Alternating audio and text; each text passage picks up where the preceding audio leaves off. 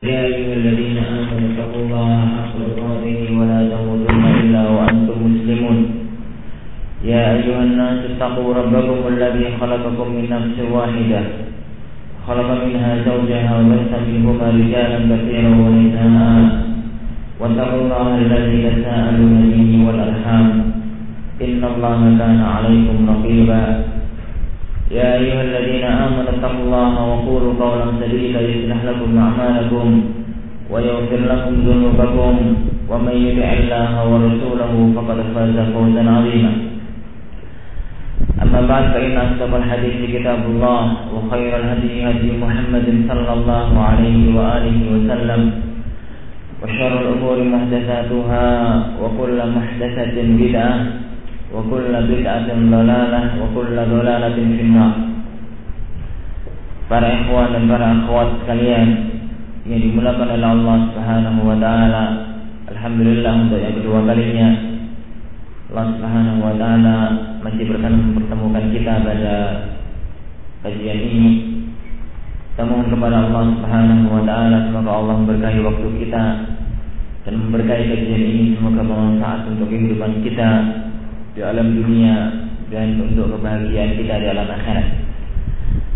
Para ikhwan dan para akhwat sekalian, materi yang ada di hadapan kita panjang karena kita akan terhenti dengan salat asar insyaallah dalam jam yang terakhir.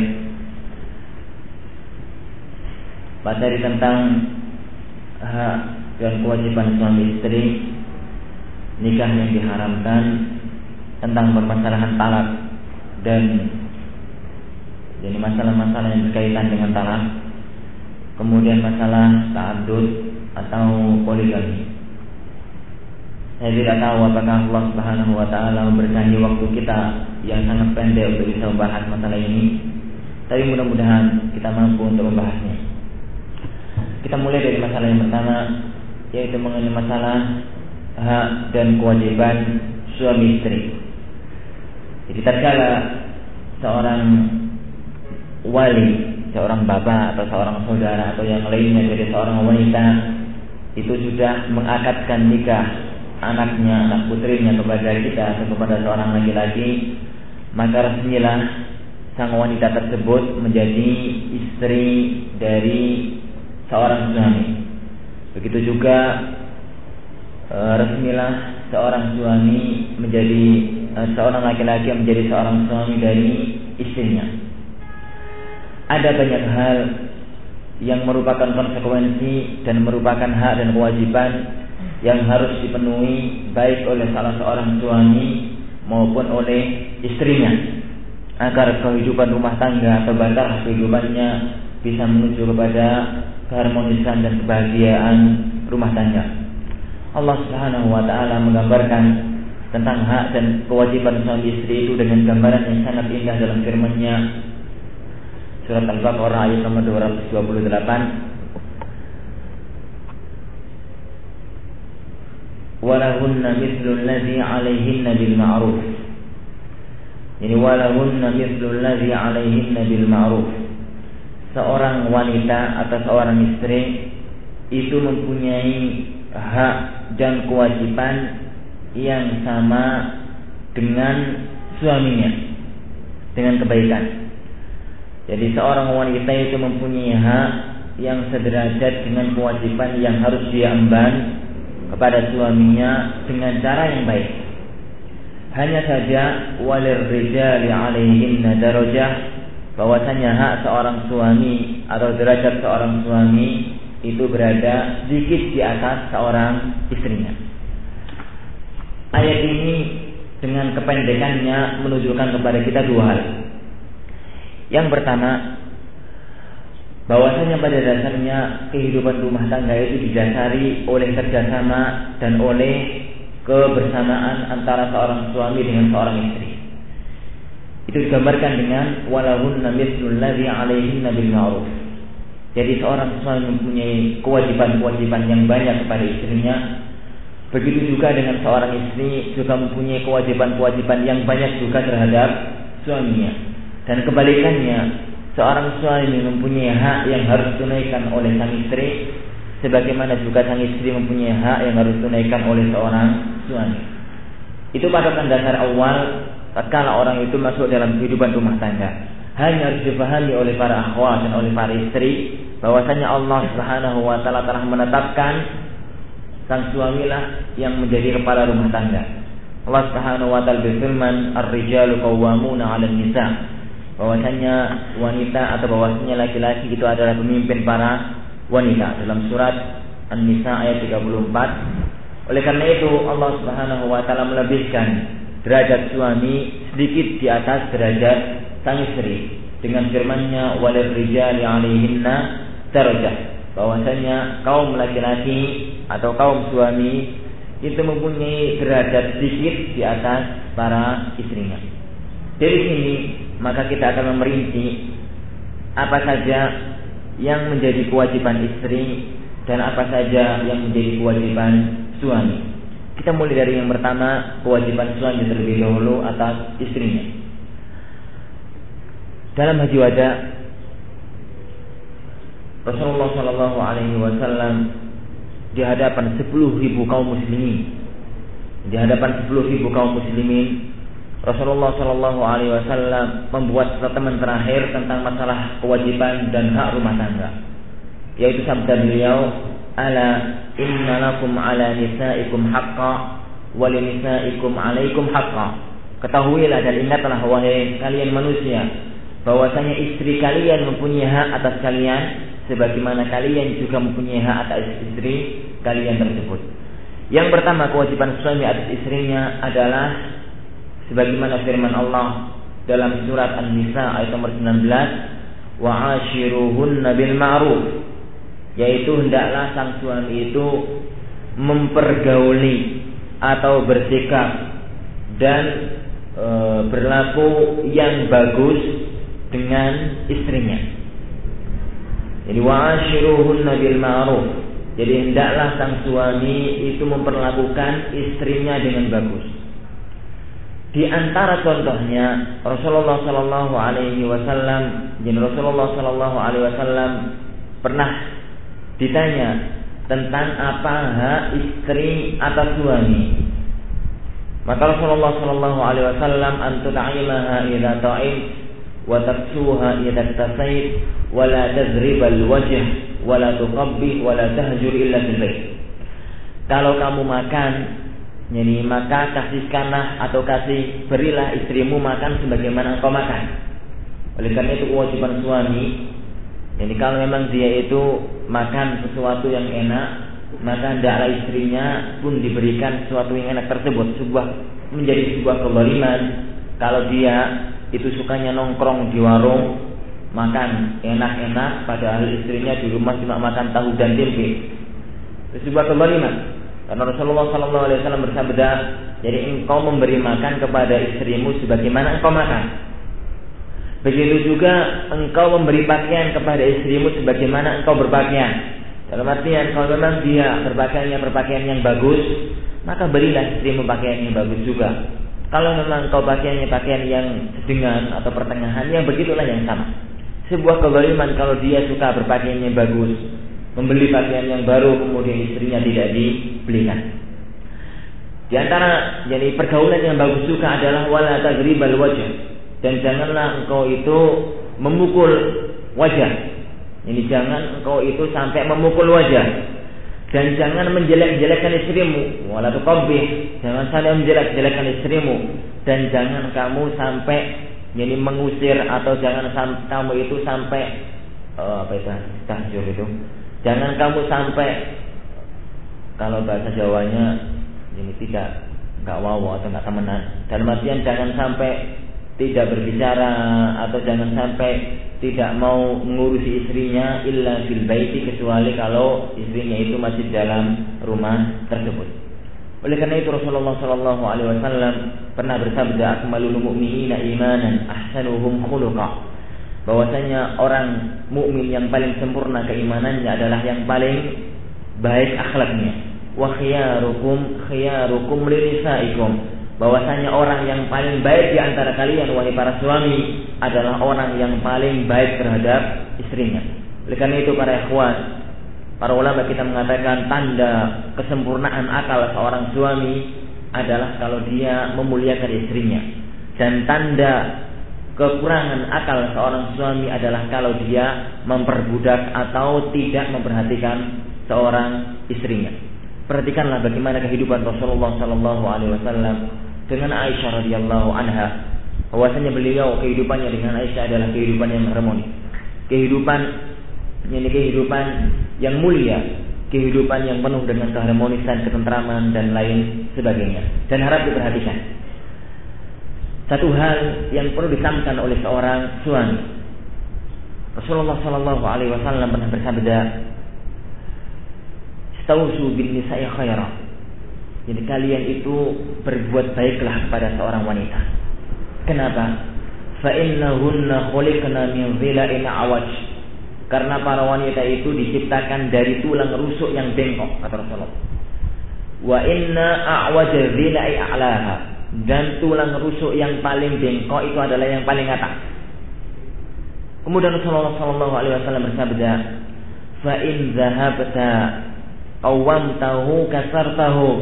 Kalau engkau meluruskan dari tulang rusuk yang keras, bengkok itu mau diluruskan dengan kasar, maka tulang rusuk itu akan pecah. Akan patah.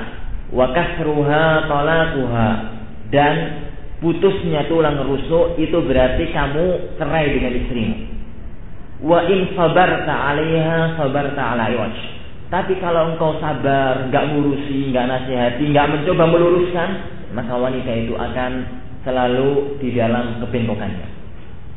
Perhatikan para akhwan dan para akhwat sekalian bahwasanya wanita semulia-mulianya seorang wanita dan sebagus-bagusnya seorang wanita dia diciptakan dari tulang rusuk yang bengkok. Maka sifat utama dan sifat awal wanita bengkok, tidak lurus.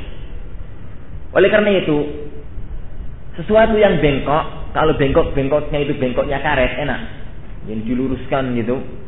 Tapi ini kata Rasulullah bengkoknya tulang rusuk, bengkoknya tulang rusuk dan ibu kita Hawa diciptakan dari tulang rusuknya Nabiullah Adam alaihissalam. Keturunan Hawa semuanya meniru jadi sifat yang ini.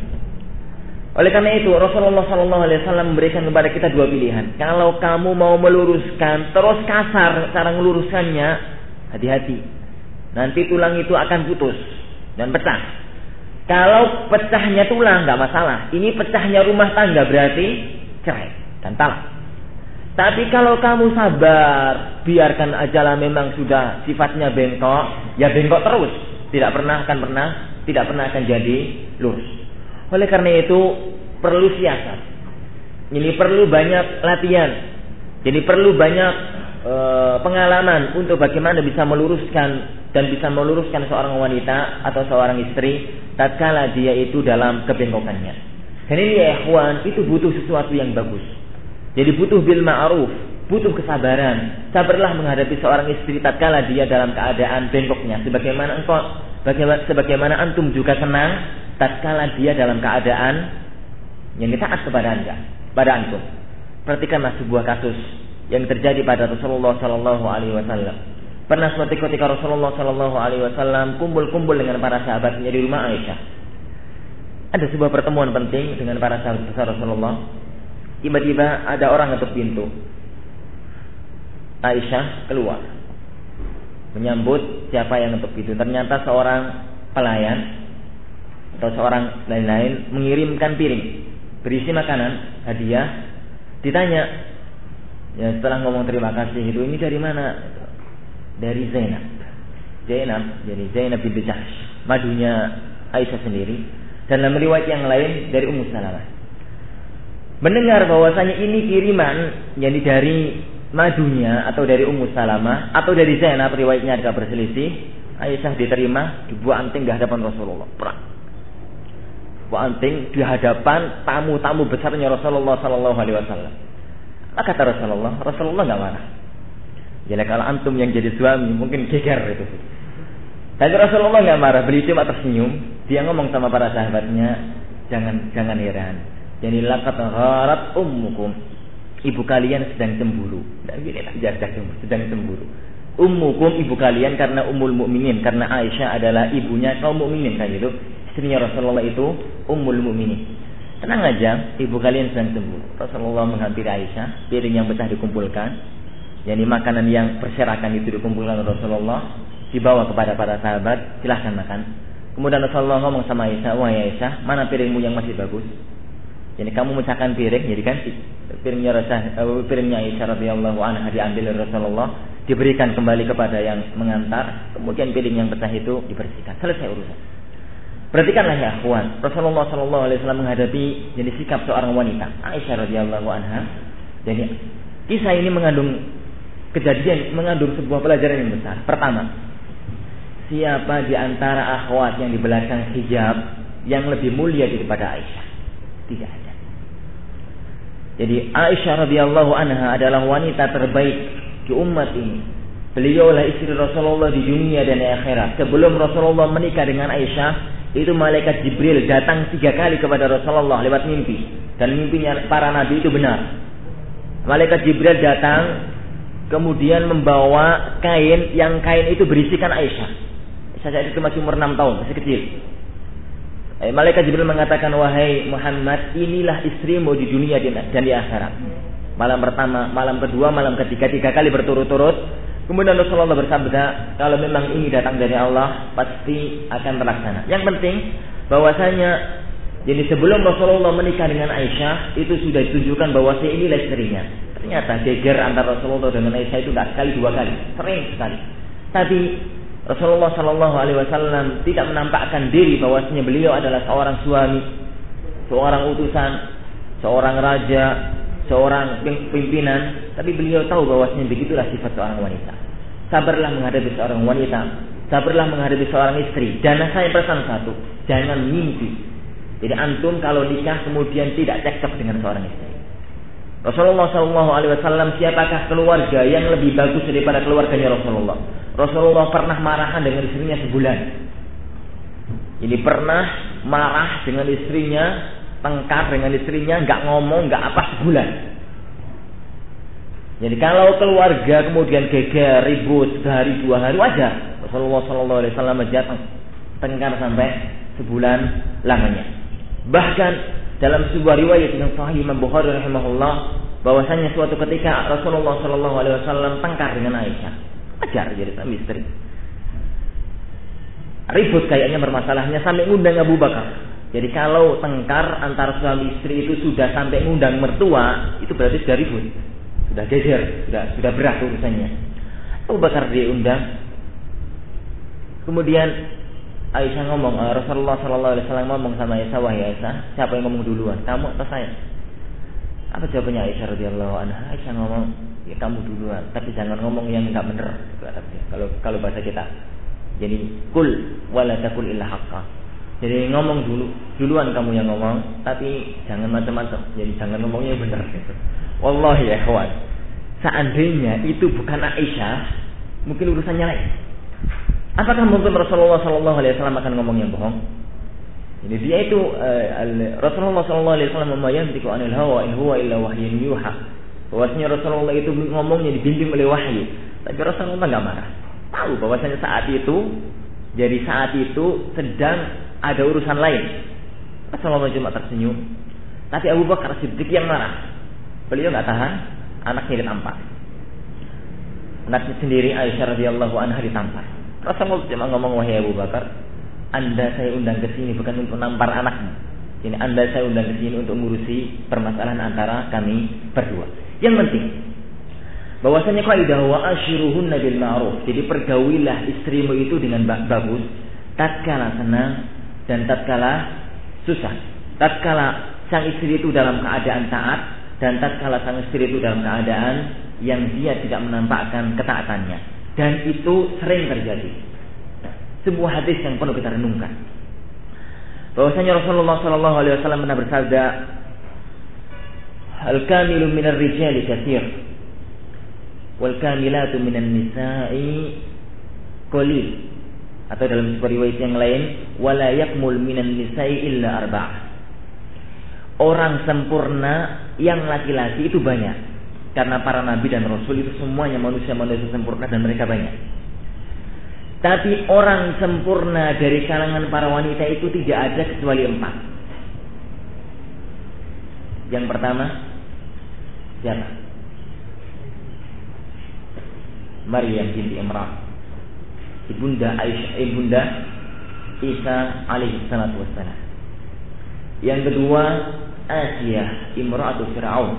Asia istrinya Fir'aun.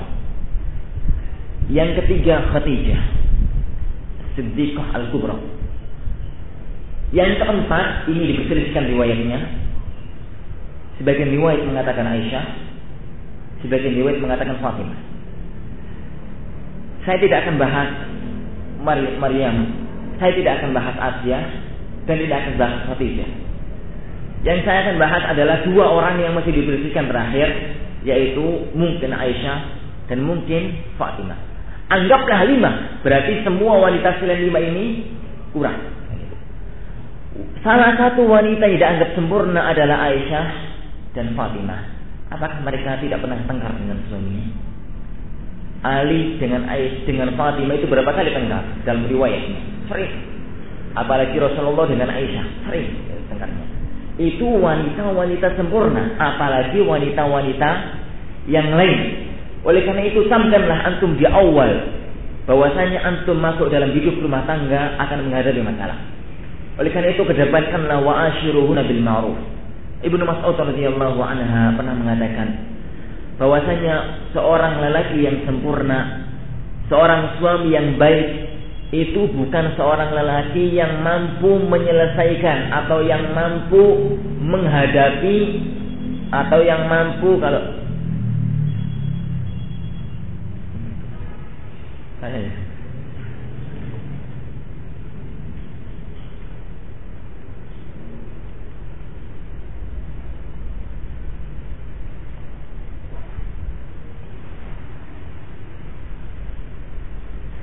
Dan seorang kata Ibnu Mas'ud radhiyallahu anhu, seorang suami yang bagus adalah seorang suami.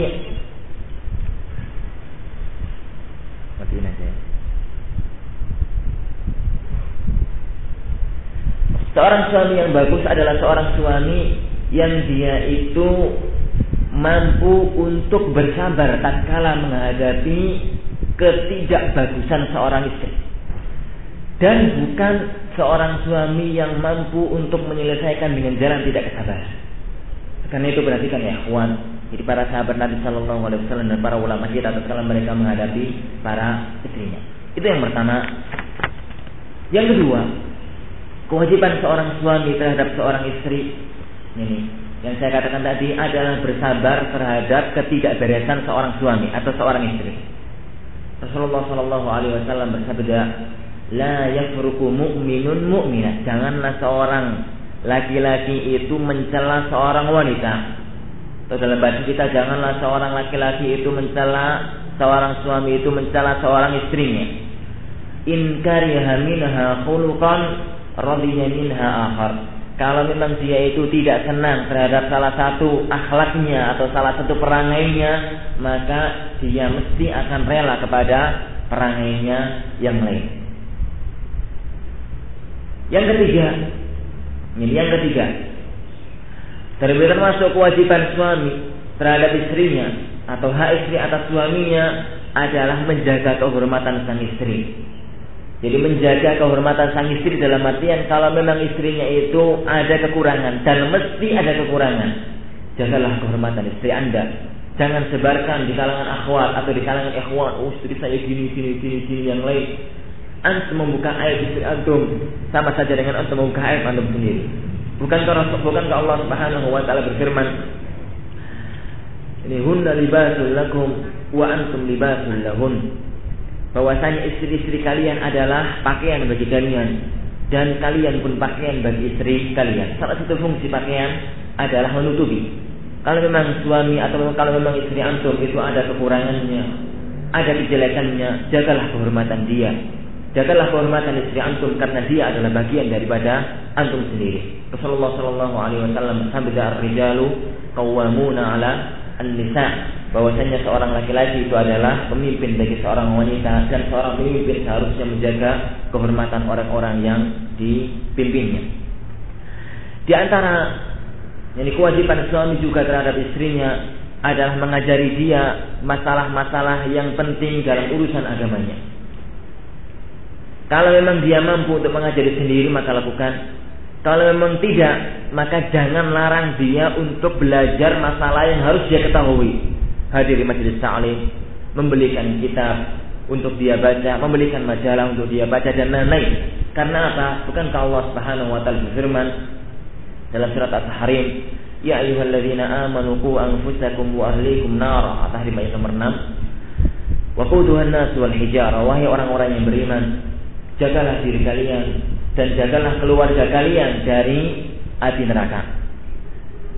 Menjaga keluarga dari api neraka tidak mungkin dilaksanakan kecuali dengan mengajari dia masalah-masalah yang berkaitan dengan kehidupan agamanya. Terutama yang wajib. Kalau anda mampu. Kalau tidak, maka ajaklah dia untuk hadir di majelis-majelis ta'lim. Ini. Atau paling tidak, jangan larang seorang akhwat atau seorang istri untuk hadir di majelis-majelis taklim kalau memang antum sibuk dalam urusan pekerjaan dengan syarat kalau memang dia keluarnya tidak membawa fitnah dan kalau memang dia keluarnya itu tidak mengandung sesuatu yang diharamkan oleh Allah Subhanahu wa taala dan oleh Rasulullah sallallahu alaihi wasallam. Dan satu hal ya akhwan yang perlu saya cermati dan perlu yakni uh, antum pelajari sebelum menikah. Jadi antum sebelum menikah pelajarilah masalah jadi hukum nikah, hukum cerai dan sekitarnya. Tapi ada satu hal ini ada satu hal yang kadang-kadang terlewatkan oleh para suami yaitu hukum yang berhubungan dengan masalah darah kewanita. Jadi hukum ini sering terlewatkan seakan-akan tidak ada urusannya seorang suami tahu masalah hukum darah kewanita. Tapi antum akan kerepotan nanti kalau nikah. Jadi berhadapan dengan istri, berhadapan dengan seorang istri tatkala dia mengeluarkan darah, dia tanya antum, anak sholat atau tidak? Apa jawaban antum dan kalian tidak mengetahui? Jadi masalah ini paling tidak antum tahu sekilas, gambaran-gambaran tentang hukum darah wanita. Atau kalau memang tidak, yang diberikanlah, belikanlah buku yang berhubungan dengan masalah itu, atau hadirlah majelis-majelis taklim yang berhubungan dengan masalah-masalah yang hubungannya dengan masalah-masalah semacam itu.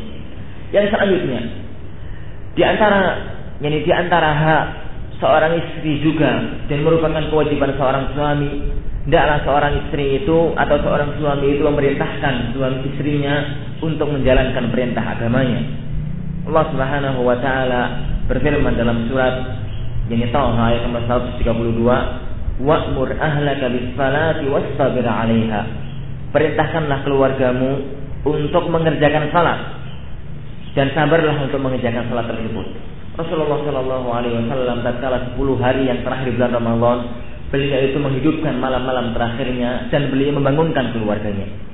Ini beliau itu membangunkan keluarganya untuk menjalankan salat, menunjukkan bahwasanya Allah memerintahkan seorang suami untuk mengajak keluarganya menjalankan ibadah.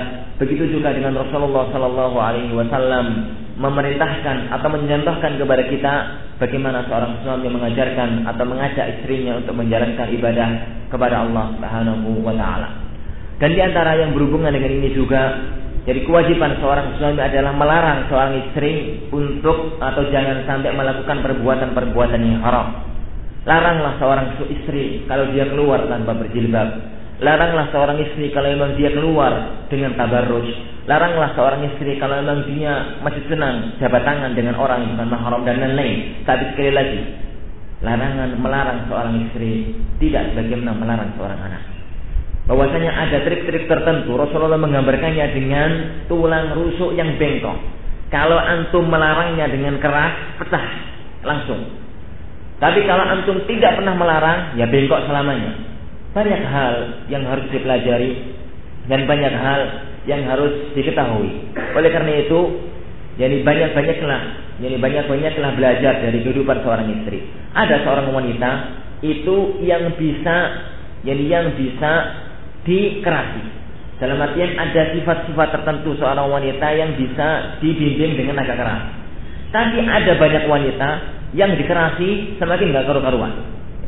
Jadi menghadapi seorang itu tergantung pada sifat masing-masing. Ada orang yang bisa tersentuh dengan kelembutan, ada orang yang tidak bisa tersentuh dengan kelembutan harus dikeranti, ada orang yang punya sifat-sifat yang lain. Oleh karena itu, jadi seorang suamilah yang lebih mengetahui bagaimana sifat seorang istrinya sehingga dia bisa memperbagusi atau bisa memperbaiki kehidupan istrinya tersebut. Di antara jadi kewajiban juga, jadi di antara hak seorang istri juga dari seorang suaminya adalah seorang suami kalau dia memutuskan beberapa masalah yang berhubungan dengan keluarganya, hendaklah minta atau hendaklah bermusyawarah dengan suaminya atau dengan istrinya, afwan. Seorang suami kalau hendak memutuskan beberapa masalah yang berhubungan dengan keluarganya atau juga berhubungan dengan yang lain, maka hendaklah dia itu bermusyawarah dulu dengan istrinya. Jangan mentang-mentang bahwasanya saya adalah ar-rijalu qawwamuna 'alan nisa saya adalah kepala keluarga, apa pun keputusan di tangan saya. Bukan begitu Rasulullah Sallallahu Alaihi Wasallam mengajarkan. Jadi bukan begitu Rasulullah Sallallahu Alaihi Wasallam mengajarkan. Rasulullah Sallallahu Alaihi Wasallam kalau beliau mengetahui ada sebuah masalah, maka beliau sering minta nasihat kepada keluarganya, kepada istrinya, bahkan dalam urusan-urusan politik penting yang berhubungan dengan umat. Perhatikanlah peristiwa Hudaybiyah di mana Rasulullah Shallallahu Alaihi Wasallam, di mana para sahabat e, diajak oleh Rasulullah tahun ini kita akan menjalankan umroh atau marilah kita berangkat ke Mekah untuk menjalankan umroh. Para sahabat ya ikhwan yang sudah enam tahun diusir oleh orang-orang Mekah, jadi untuk tidak boleh menjalankan umrah, maka senang sekali berangkat dari kota Madinah menuju kota Mekah di perbatasan kota Mekah Hudaybiyah, jadi penjelang kota Mekah dan mereka jalan kaki satu bulan melewati padang pasir dari kota Madinah ke kota Mekah. Di perbatasan kota Mekah mereka dihajam oleh orang-orang kafir. Tidak boleh masuk dengan perjanjian yang terkenal itu perjanjian Hudaybiyah. Kaum muslimin tidak boleh umroh sekarang tahun depan. Kemudian senjata-senjata selama 10 tahun dan bisa lengkapnya dalam perjanjian Hudaybiyah. Yang penting tidak boleh umroh tahun ini, harus tahun depan. Orang atau dalam hukum umroh kalau sudah niat berangkat haji atau niat berangkat umroh kemudian gagal di tengah jalan maka harus nyembelih apa? Nyembelih binatang korbannya dan mencukur rambutnya. Kemudian pulang. Rasulullah memerintahkan sembelihlah binatang kalian dan cukurlah rambut. Karena kita nggak jadi nggak jadi umroh. Para sahabat bengong, nggak ada yang nggak ada yang gerak. Rasulullah memerintahkan kedua kalinya, Para sahabat bingung, bingung bukan karena tidak memerintahkan, kaget, bingung.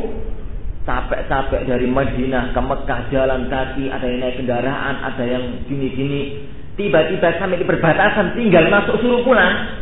Padahal sudah tahun-tahunan tidak tidak menjalankan atau tidak mengetahui Mekah atau tidak mengetahui Baitullahil Haram.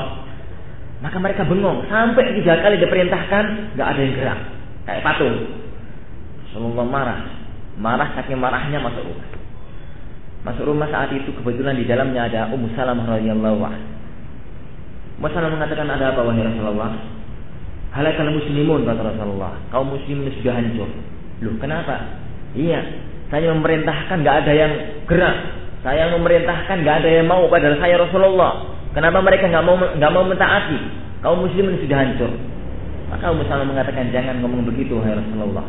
Mereka bukannya tidak mau, mereka itu kaget, bingung mau, mau berbuat apa.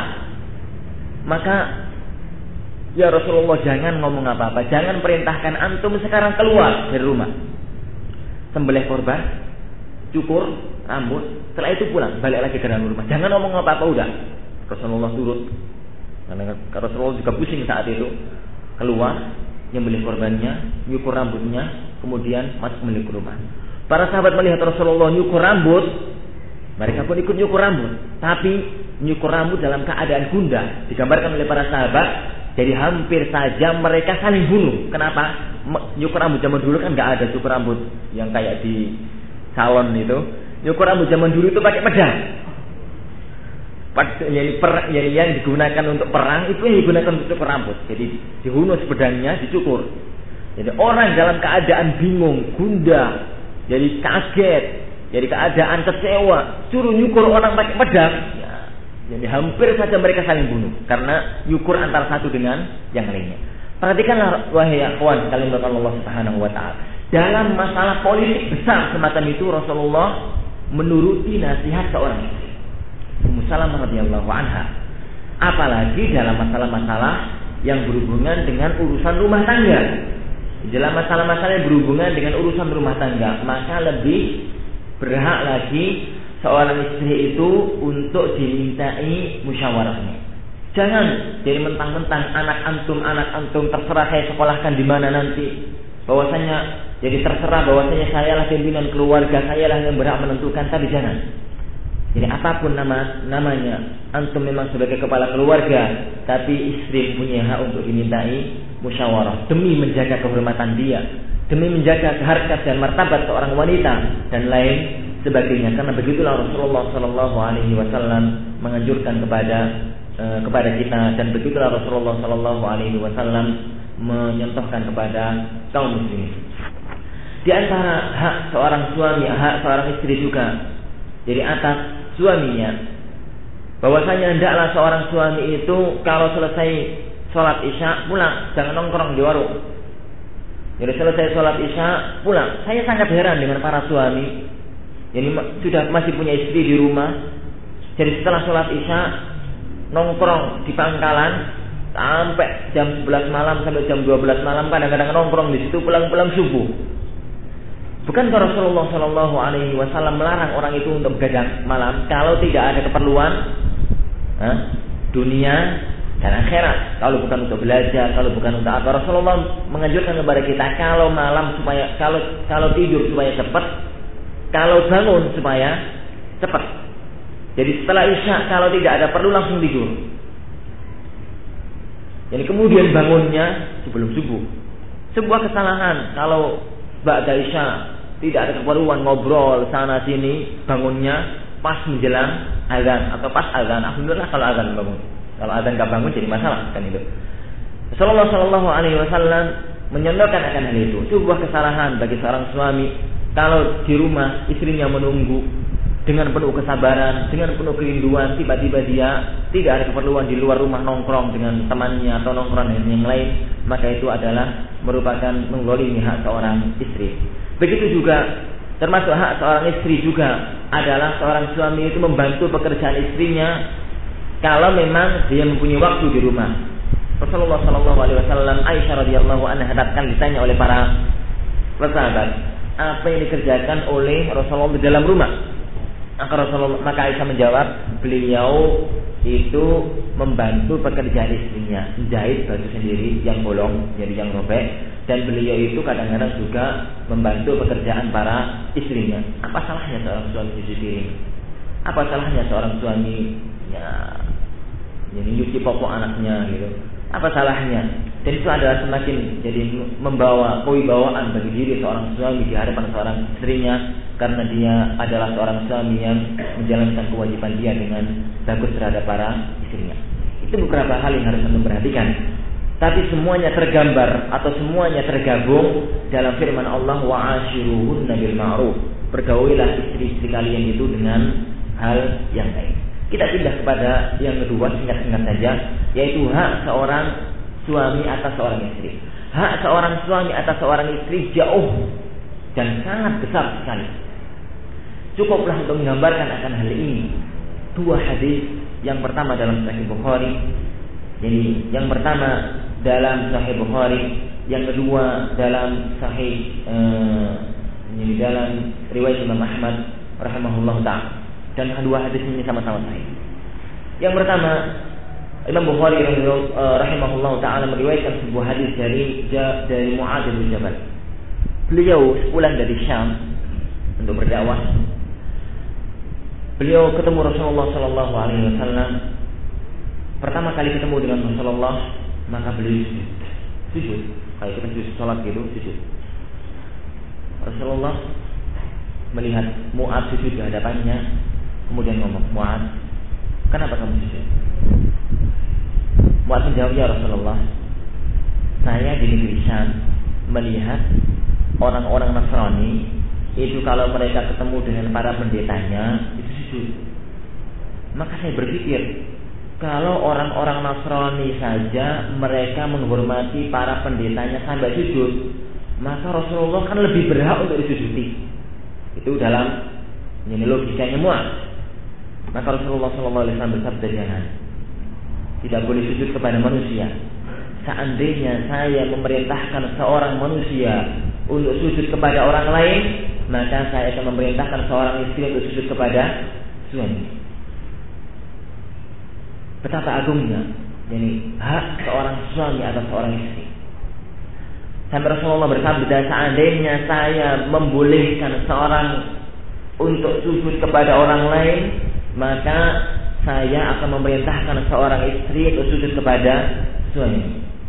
Hadis yang kedua, Rasulullah Shallallahu Alaihi Wasallam bersabda, "Hakkur rojuli al mar'ah."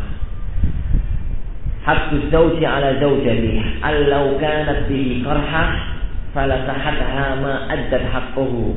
Kata Rasulullah. Hak seorang suami atas seorang istrinya itu digambarkan bahwasanya seandainya suaminya itu ada luka yang bernanah kemudian istrinya itu menjilati dengan lidahnya untuk membersihkannya maka istri itu belum memenuhi hak daripada suami sebuah hak yang agung sebuah hak sebuah hak yang sangat agung dari seorang suami kepada seorang istrinya. Tapi pahalanya pun besar. Rasulullah Shallallahu Alaihi Wasallam bersabda, jadi idza sallatil mar'atu khamsaha apabila seorang wanita itu salat lima waktu dan puasa Ramadan dan dia itu menjaga farjinya wa ata'at zaujaha dan dia itu mentaati suaminya maka besok pada hari kiamat akan dikatakan kepadanya udkhulil jannata min ayyi babiha syi'ta syi'ti.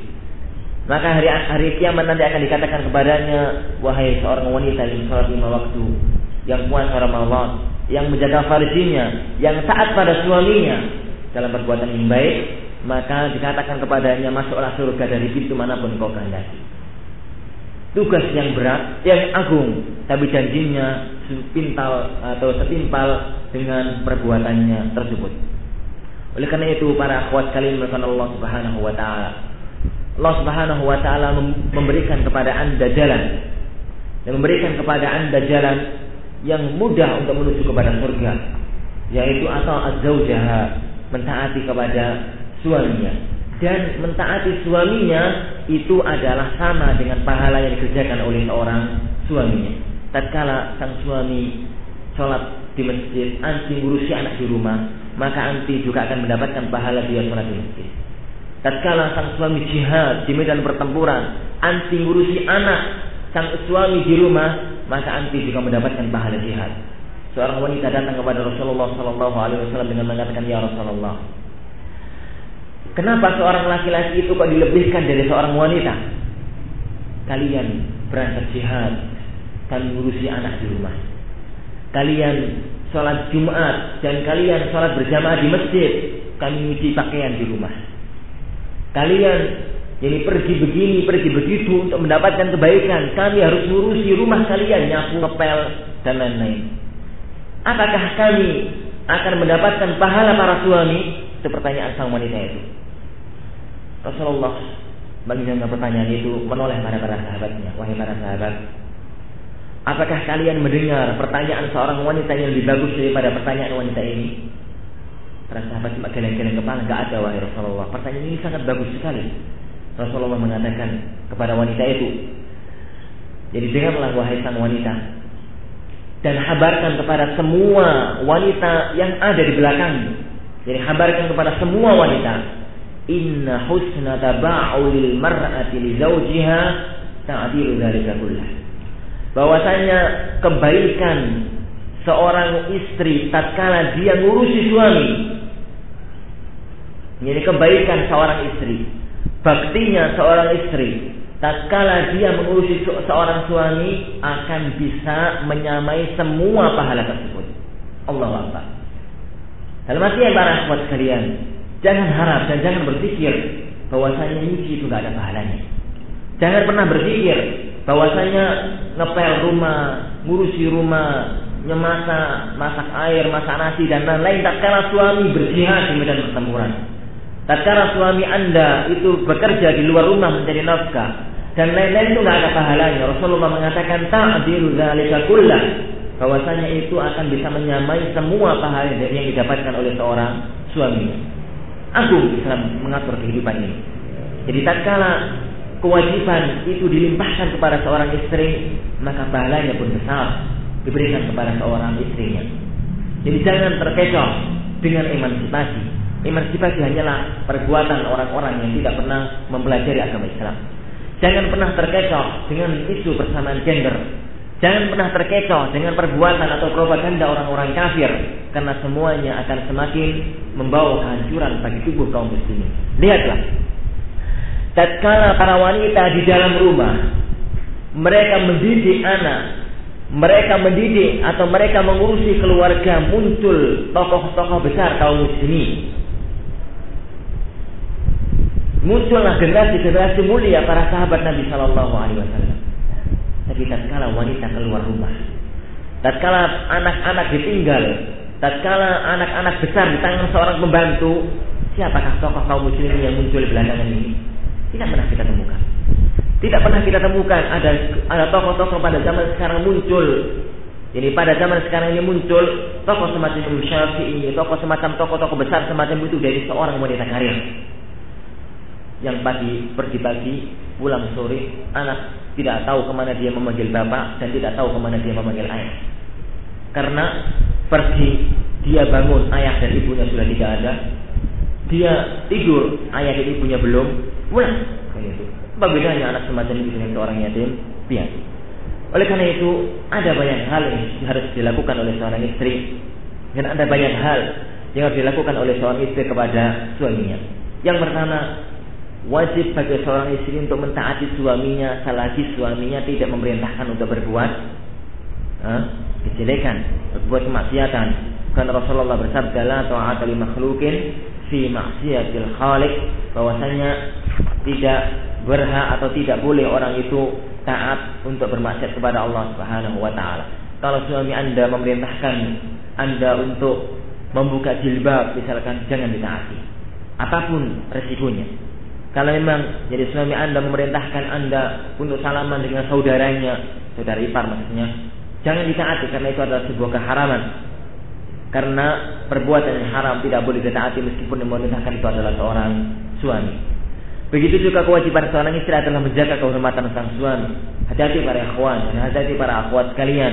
Bahwasanya hati-hati dengan ngobrol dan ngerumpi karena apa? Kadang-kadang orang itu nggak sadar.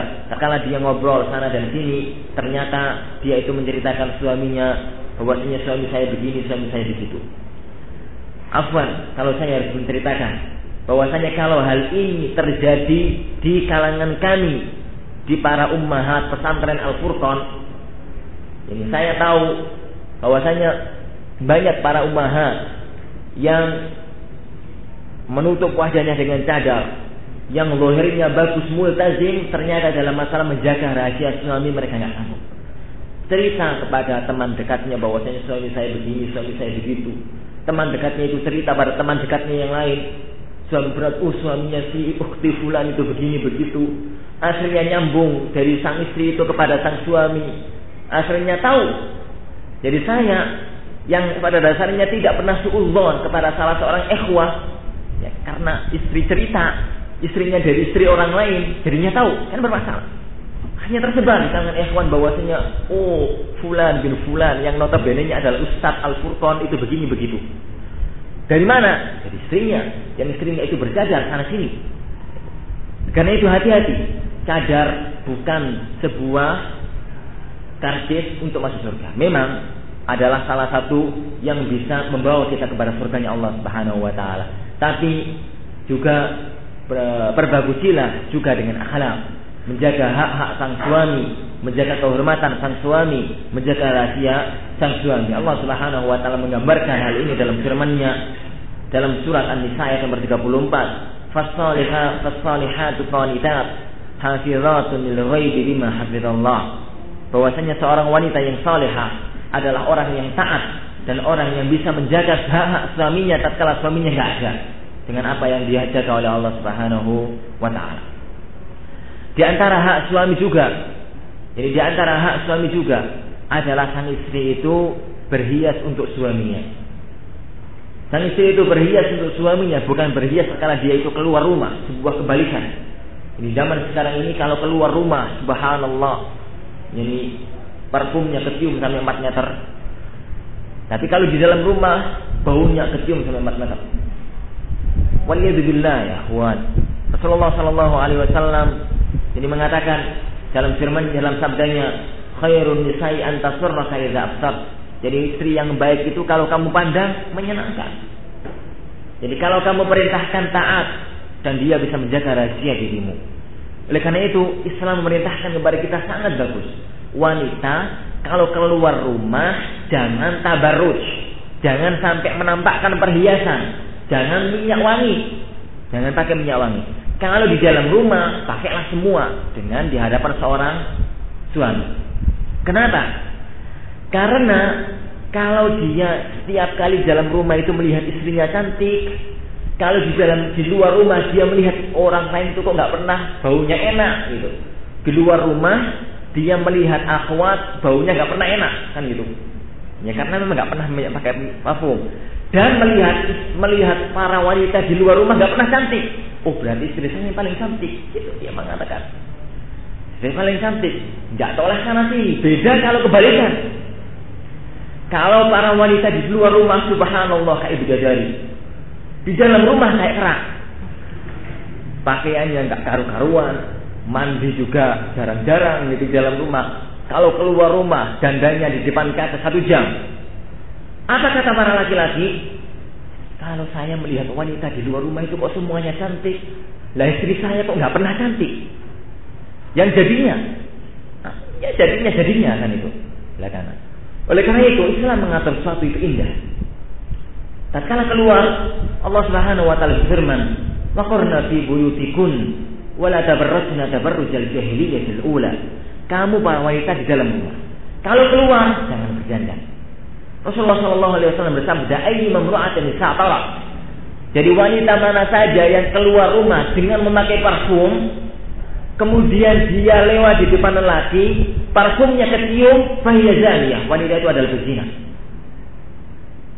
Ibnu Abbas atau Abu Hurairah radhiyallahu an tatkala dia keluar rumah mau sholat isya ketemu dengan seorang wanita. Kecium baunya. Dia mengatakan ya amat Allah wahai hamba Allah. Mau ke mana sholat maka Abu maka Abu Abu mengatakan jangan pulanglah ke rumah mandi dulu kemudian balik lagi ke masjid kalau mau sholat. Kenapa? Kecium bau minyak wangi. Itu mau sholat. Bagaimana kalau ke pasar? Bagaimana kalau kuliah dan lain-lain? Jadi fitnah itu muncul ya, kawan dari mana-mana. Dan kalau satu langgaran atau satu pelanggaran syar'i dilanggar, akan rentetannya kepada yang lainnya. Inilah sebenarnya hukum ini. Dan, dan hidup jadi hidup ini untuk yang lainnya. Kalau kita atur ya, kawan. Wanita itu kalau keluar rumah tidak usah di depan kaca berdandan. Kalau ada perlu, dia tinggal pakai jilbab gitu. Kalau nggak mandi dengan apa itu pakai jilbab keluar rumah selesai. Adapun kalau adat masyarakat keluar rumah harus dalam posisi yang cantik, subhanallah. Jadi ada telepon oleh keluarganya, kamu bapak eh, bapak anti sakit keras, tolong langsung ke sini. Gak mau. Kenapa? Dandan dulu satu jam di depan kaca. Subhanallah, itu loh. Jadi oleh karena itu para ikhwan fillah azan Allah wa Islam jadi hak seorang istri kepada seorang suaminya kalau di dalam rumah maka berbagusilah dengan dia, maka berdandanlah dengan yang bagus tampakkanlah di depan sang suami dengan dengan dandan yang bagus dan ini pun kelupaan saja awal ini juga merupakan hak istri atas suami jadi sebagaimana antum para suami senang kalau istrinya cantik maka wanita pun senang kalau antum ganteng. Kan itu. Sama aja persis. Jadi sama aja. Pernah ada seorang wanita yang datang kepada Amirul Mukminin minta cerai minta gugatan cerai. Dia Amirul Mukminin cuma mengatakan seorang wanita minta gugatan cerai itu mesti ada masalah sebelumnya dipanggil Amirul Mukminin ternyata melihat suaminya itu ya rambutnya nggak pernah disisir kayaknya aku nggak pernah sabunan, pakaiannya nggak pernah bersih. Al-muhim, dipandang gak enak. Maka Umar mengatakan wajar kalau istri ini minta cerai. Suaminya dipanggil ke dalam, Fulan mandi, ganti baju, sisiran yang bagus. Mandi, ganti baju, sisiran yang bagus, keluar. Umar Mukminin mengatakan dekatilah istri. Istrinya panggil, Takillah ya Allah, takutlah engkau kepada Allah wahai musuh Allah. Enggak tahu kalau itu suaminya sendiri gitu. Umar Mukminin mengatakan, eh jangan gitu itu suamimu sendiri. Kaget gitu. Pangling kalau bahasa Jawa. Kemudian Umar mengatakan masih minta cerai? Enggak wahai Mukminin suka jadi. Pulang gitu. Selesai urusan. Wanita sama dengan laki-laki. Antum kepingin melihat istri cantik. Sama. Ibnu Abbas mengatakan, jadi saya selalu berhias untuk istri saya sebagaimana saya senang kalau istri saya berhias untuk diri saya sendiri. Dan itulah yang cermati. Jadi keseimbangan antara hak suami dan antara seorang istri. Di antara jadi hak seorang eh, antara hak seorang suami juga ada seorang istrinya bahwasanya sang istri itu jangan keluar rumah kecuali dengan izin sang suami. Allah Subhanahu wa taala firman, "Wa qarna fi buyutikun." Meskipun untuk ke masjid harus dengan izin sang suami. Meskipun sang suami juga tidak boleh melarang istrinya kalau mau ke dalam atau mau sholat ke masjid. Jangan dilarang. Rasulullah bersabda la tamna'u ima Allah ila sajidallah wa buyutuhunna khairul lahun. Di antara hak suami juga istrinya itu harus menjaga harta sang suami membelanjakan dengan cara yang bagus. Dan yang lain-lain dia mengatur keluarganya dengan cara yang bagus. Di antara hak suami juga ada alasan istri itu bersabar jadi atas e, kekurangan suaminya dalam sisi ekonomi dan yang lain-lain. Perhatikanlah keluarga Rasulullah Shallallahu Alaihi Wasallam. Ini siapakah keluarga yang lebih agung daripada keluarganya Rasulullah? Tapi Rasulullah Shallallahu Alaihi Wasallam keluarganya penuh dengan kesederhanaan Aisyah radhiyallahu anha pernah bersabda atau pernah mengatakan kami pernah bulan itu sampai tiga kali muncul dalam artian tiga bulan. Tidak pernah rumah kami itu mengeluarkan asap. Dalam artian tidak pernah masak. Urwah keponakannya Rasulullah keponakannya uh, keponakannya ini mengatakan ya Ummah wahai ibuku. Jadi kalau para sahabat menyebut parisannya Rasulullah itu tidak tidak namanya tapi wahai ibuku kan memang ibunya ibunya orang-orang yang beriman ya Ummah wahai ibuku dan apa yang kami makan? Al-aswadan. Yang saya makan adalah air dan kurma selama tiga bulan. Dan Rasulullah Shallallahu Alaihi Wasallam dan Aisyah pernah mengatakan keluarga Rasulullah itu tidak pernah makan roti selama tiga hari berturut-turut. Padahal makanan pokok mereka roti. Kalau baca kita keluarga Rasulullah itu tidak pernah makan nasi tiga hari berturut-turut. Jadi mungkin sekali dapat nasi besok ya makan kaplek atau makan apalah itu menunjukkan tentang kesabaran para istri para istri Rasulullah SAW terhadap kekurangan sang suami. Di antara hak suami juga pada seorang istrinya, bahwasanya istri itu tidak boleh untuk men, menolak ajaran suami, tidak boleh untuk menolak ajaran suami kapan sang suami itu menginginkan dirinya untuk tidur. Rasulullah Shallallahu Alaihi Wasallam pernah bersabda, jadi kalau seorang suami idza da'a rajulu zawjada, kalau seorang suami itu mengajak istrinya untuk memenuhi hajat biologisnya, maka hendaklah istrinya itu memenuhi panggilan suaminya itu meskipun saat itu sedang di depan kompor dan masak. Tapi kompornya matikan dulu nanti kosong kan itu. Yang penting menunjukkan tentang yani, kewajiban, keagungan ini. Kenapa ya, Akhwan? Kenapa? kalau sang istri itu sukanya nolak dan kebetulan suaminya jadi ya, apa itu arusnya itu tinggi keinginannya itu tinggi apa yang akan dilakukan oleh seorang suami ada dua kemungkinan kemungkinan yang pertama dia akan serong di luar kemungkinan yang kedua dia tidak akan senang pada pada istrinya yang sekarang dan dua-duanya itu adalah perbuatan yang jelek Pernah suatu ketika Rasulullah Shallallahu Alaihi Wasallam berjalan, kemudian dia sekilas melihat seorang istri, melihat seorang wanita apa jalan di tengah jalan itu, kemudian sekilas melihat seorang wanita. Tiba-tiba dia kepingin untuk jadi tertarik dengan wanita itu. Beliau langsung pergi, bergegas menuju rumahnya Zainab. Meminta atau apa itu untuk memenuhi hajat biologisnya kepada saya. Kemudian Rasulullah bersabda bahwasanya seorang wanita itu wajahnya seorang wanita itu kadang-kadang dibarengi dengan setan. Oleh karena itu, kalau engkau melihat seorang wanita dan engkau itu naik seksualnya atau derajat seksualnya, maka cepat-cepatlah datang kepada istrimu karena engkau jadi antara dia dan istrimu itu adalah engkau temukan yang sama. Yang penting bahwasanya tatkala sang suami itu pulang tergesa-gesa. Karena nafsu seksualnya muncul, kemudian istrinya menolak, maka yang terjadi pecah. Dan cekcok antara keluarga. Oleh karena itu Rasulullah SAW dalam hadis yang lain beliau mengatakan bahwasanya kalau seorang suami mengajak istrinya jadi untuk hubungan itu kemudian istrinya menolak, maka Allah, maka para malaikat akan melaknatnya sehingga sang suami itu rela kepada sang istrinya. Tapi kalau perhatikan para ikhwan, para suami jangan mentang-mentang. Jadi Islam selalu menyimbangkan antara kehidupan suami dengan kehidupan istri. Kalau antum melihat istri antum itu sedang capek atau sedang sakit atau sedang yang lain, tolong bahwasanya tolong bahwasanya difahami, dimaklumi.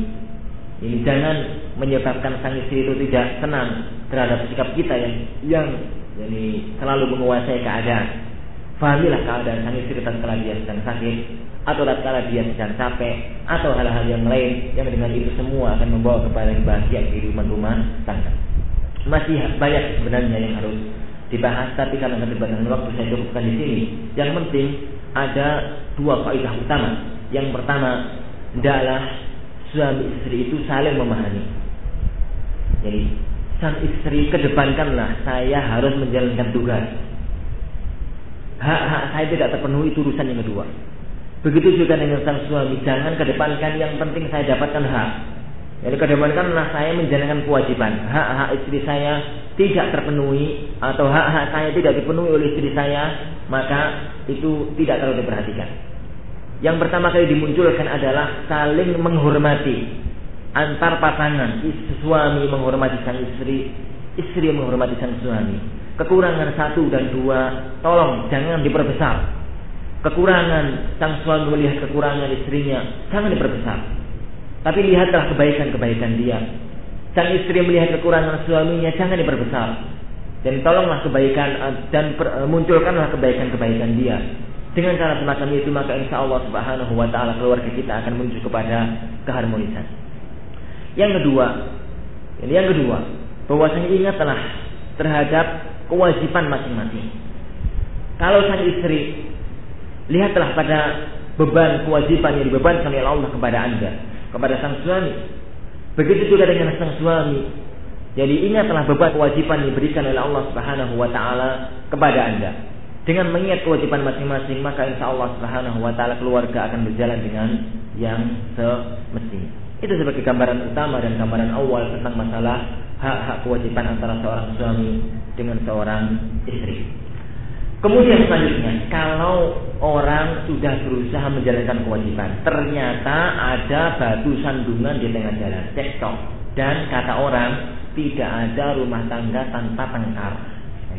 Tidak ada rumah tangga tanpa pertengkaran. Kenapa? Karena keluarganya Rasulullah yang paling agung pun tengkar, apalagi keluarga kita. Oleh karena itu Allah Subhanahu wa taala sudah mengatur bagaimana kalau orang itu tengkar. Yang pertama kalau yang salah istri. Jadi yang nggak beres itu istri diperintahkan. Jadi kamu jangan ke sana malah nekat. Gitu. Ada orang istri itu yang dilarang malah nekat. Tapi yang penting kalau sudah istri itu tidak taat kepada suaminya maka Allah Subhanahu wa taala berfirman wallati takhafuna dalam surat An-Nisa ayat 102 eh, ayat Nisa ayat 34 dan 128 sama wallati takhafuna nusyuzahun jadi kalau kalian takut kalau istri kalian itu berbuat tidak taat, maka pertama fa'iduhun. Nasihatilah dengan cara yang bagus, jangan dimarah-marahi. Nasihatilah dengan cara yang bagus, dinasihati. Katakan wahai sang istri, ingatlah bahwasanya jadi bahwasanya nasihat dengan cara-cara yang bagus. Bahwasanya engkau itu akan semakin cantik kalau kamu itu semakin taat. Bahwasanya engkau itu akan begini kalau engkau itu akan semakin taat kepadaku. Kalau tidak nggak mau juga, berilah kabar takut Jadi berilah tarhib dan tarhib, berilah kabar gembira dan berilah kabar ketakutan. Kabarkanlah gembira. Ini adalah wahai sang istri Rasulullah pernah bersabda jadi ya, jadi ayi mamra'atin idza salat khamsaha kalau wanita itu salat lima waktu taat kepada suaminya maka dia akan mendapatkan surga. Di ini ini surga nggak mau juga ancam dengan neraka. Yang menasihat. Bagaimana caranya? Kadang tapi kadang-kadang nasihat semakin dinasihati dia mengatakan jangan suka ceramah gitu. Saya tidak mau diceramai. Kadang-kadang kalau sudah muncul terutama ini kadang-kadang sering muncul kalau derajat sosialnya beda. Dia istrinya itu S2, yani yang suaminya cuma S Ini masalah ini tuh. Jadi kadang-kadang itu muncul masalah-masalah semacam itu. Dalam keadaan semacam itu, fahjuruhunna fil madaji'. Ingat ya, ikhwan, senjata paling paling ampuh seorang seorang istri adalah ranjang. Jadi seorang istri kadang-kadang berpikir apa pun yang akan terjadi dia butuh saya nanti malam. Gitu. Jadi apa pun apalagi kalau waktu dingin di Malang lagi kan gitu, udaranya dingin. Apa pun apa pun marahnya nanti kalau saya nggak taat, saya marah, tapi nanti malam dia butuh saya, nggak berani nanti istri suami saya itu pada saya, apalagi kalau dia cantik, dia cantik gitu masih kemanten baru apalagi udaranya dingin kan itu oleh itu Rasulullah mengatakan fahjuruhunna fil madhaji' biar istrimu itu tidak menggunakan senjata pamungkas ini antum bersabarlah sebulan gitu. Jangan dekat istri gitu. pisah ranjang. Pisah ranjang. Ini fahjuruhunna fil madhaji' kalau istri itu tahu suami saya ternyata dengan senjata ini nggak mempan gitu. Dia akan dia akan turun derajatnya.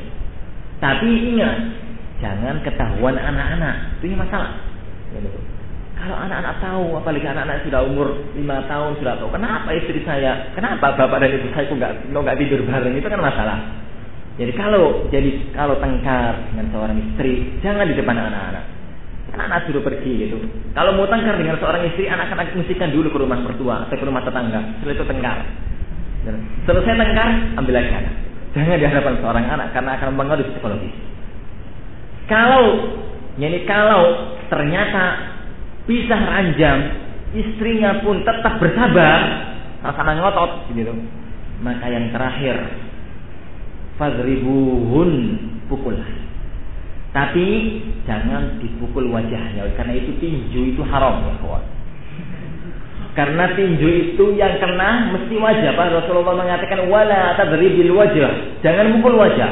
Kalau sang istri sedang tidak taat, jadi sang istri sedang tidak taat, yang dipukul jangan wajah. Dan kata Rasulullah, mukul itu jangan sampai mecahkan tulang, jangan sampai melecetkan kulit. Mukul ini bukan untuk menghinakan seorang istri, tapi untuk mendidik. Ya, dipukul lah, pukul. Kayaknya keras tapi nggak sakit, gitu. Yang penting istri itu memahami suami saya sudah berani mukul berarti saya sudah pada taraf terakhir.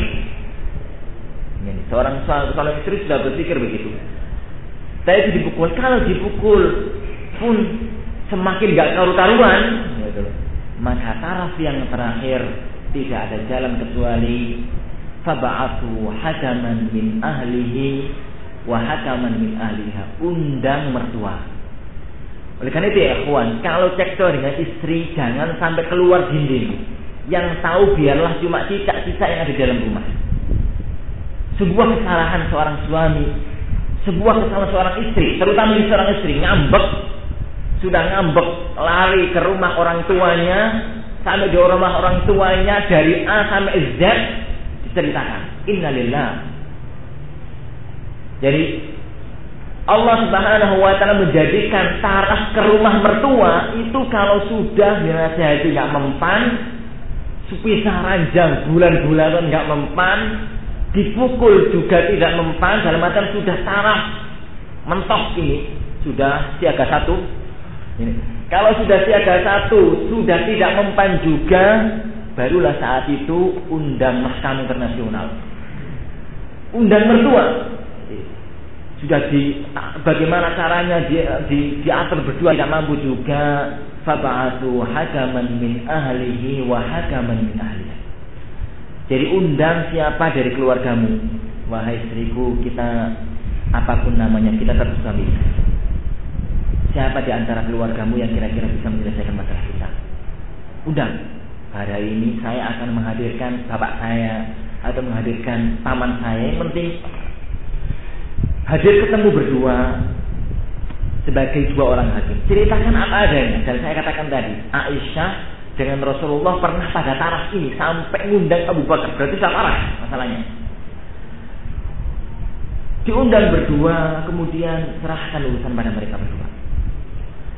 Maka dua orang hakim ini jangan bela keluarganya masing-masing karena dia diundang bukan untuk tempur, diundang ini untuk menyelesaikan masalah. Allah Subhanahu wa taala berfirman dalam masalah semacam ini. Jadi ini yurida islahan yuwaffiqillahu bainahuma dalam surat An-Nisa nomor 35. Kalau memang keduanya, jadi kedua hakim itu, kedua keluarga itu ingin berbuat baik, maka Allah akan memberikan taufik bagi keluarganya untuk berbuat baik. Tapi kalau memang ternyata keduanya berpikir aman, dipikir-pikir, dirapatkan, tidak dapat pelindung pertama, dapat pelindung kedua, tidak pernah ketemu jalan, akhirnya sudahlah keluarga ini tidak bisa diselamatkan. Semakin dipaksakan selamatkan, maka nanti hantamannya akan semakin keras. Pisahkan saja. Kalau memang keduanya sudah mengatakan, udah pisahkan saja, ya udah pisahkan saja. Jadi dan itulah yang kita katakan nanti bahwasanya jalan cerai itu adalah kalau sudah jalan buntu, mentok, tidak ketemu jalan selamat, ya udah cerai. Berarti jadi Islam menuntunkan kepada kita banyak hal untuk mengenai masalah ini. Itu kalau yang nggak taat itu suami, yang nggak taat itu istri. Kalau sekarang yang ribut itu suami, yang nggak beres itu suaminya, sangat besar masalahnya nasihati. Kalau tidak bisa menasihati, tolong sang istri itu cari orang yang bisa nasihati. Cari ya siapa lah gitu, bapaknya, cari yang cari uh, ustadznya, cari seorang tokoh yang ditokohkan oleh sang suami biar menasihati. Kalau dengan cara-cara nasihat pun tidak bisa, maka sang istri tolong dipertimbangkan. Anti mungkin pisah dengan dia, bukan dengan konsekuensi sebagai janda, kan itu. Atau lebih baik tetap bersama dia tapi dengan beberapa hak yang tidak terpenuhi. Ya, dengan beberapa hak yang tidak terpenuhi. Misalkan yang biasanya nafkahnya itu ini tiga apa itu satu juta satu bulan sekarang nggak apa-apalah nafkahnya itu lima ribu saja misalkan itu. Yang penting tetap menjadi istri dia. Kalau memang dipikir-pikir lebih baik tetap bertahan dalam keluarga itu. Tapi kalau sang suami semakin digitukan semakin gak karu-karuan, bahwasanya dia kalau sang suaminya itu di, dihitungkan itu semakin jadi mentang-mentang maka jalan terakhir undanglah keluarga sebagaimana yang dikatakan di awal karena bagaimanapun juga duduk keluarga adalah sesuatu yang harus diselamatkan. Itu beberapa masalah yang berhubungan dengan masalah suami dan istri bagaimana seorang itu mengatasi uh, urusan cekcok antara dia dengan keluarganya. Allah Jadi itu beberapa hal yang berhubungan dengan karena keterbatasan waktu kita lanjutkan pada materi yang kedua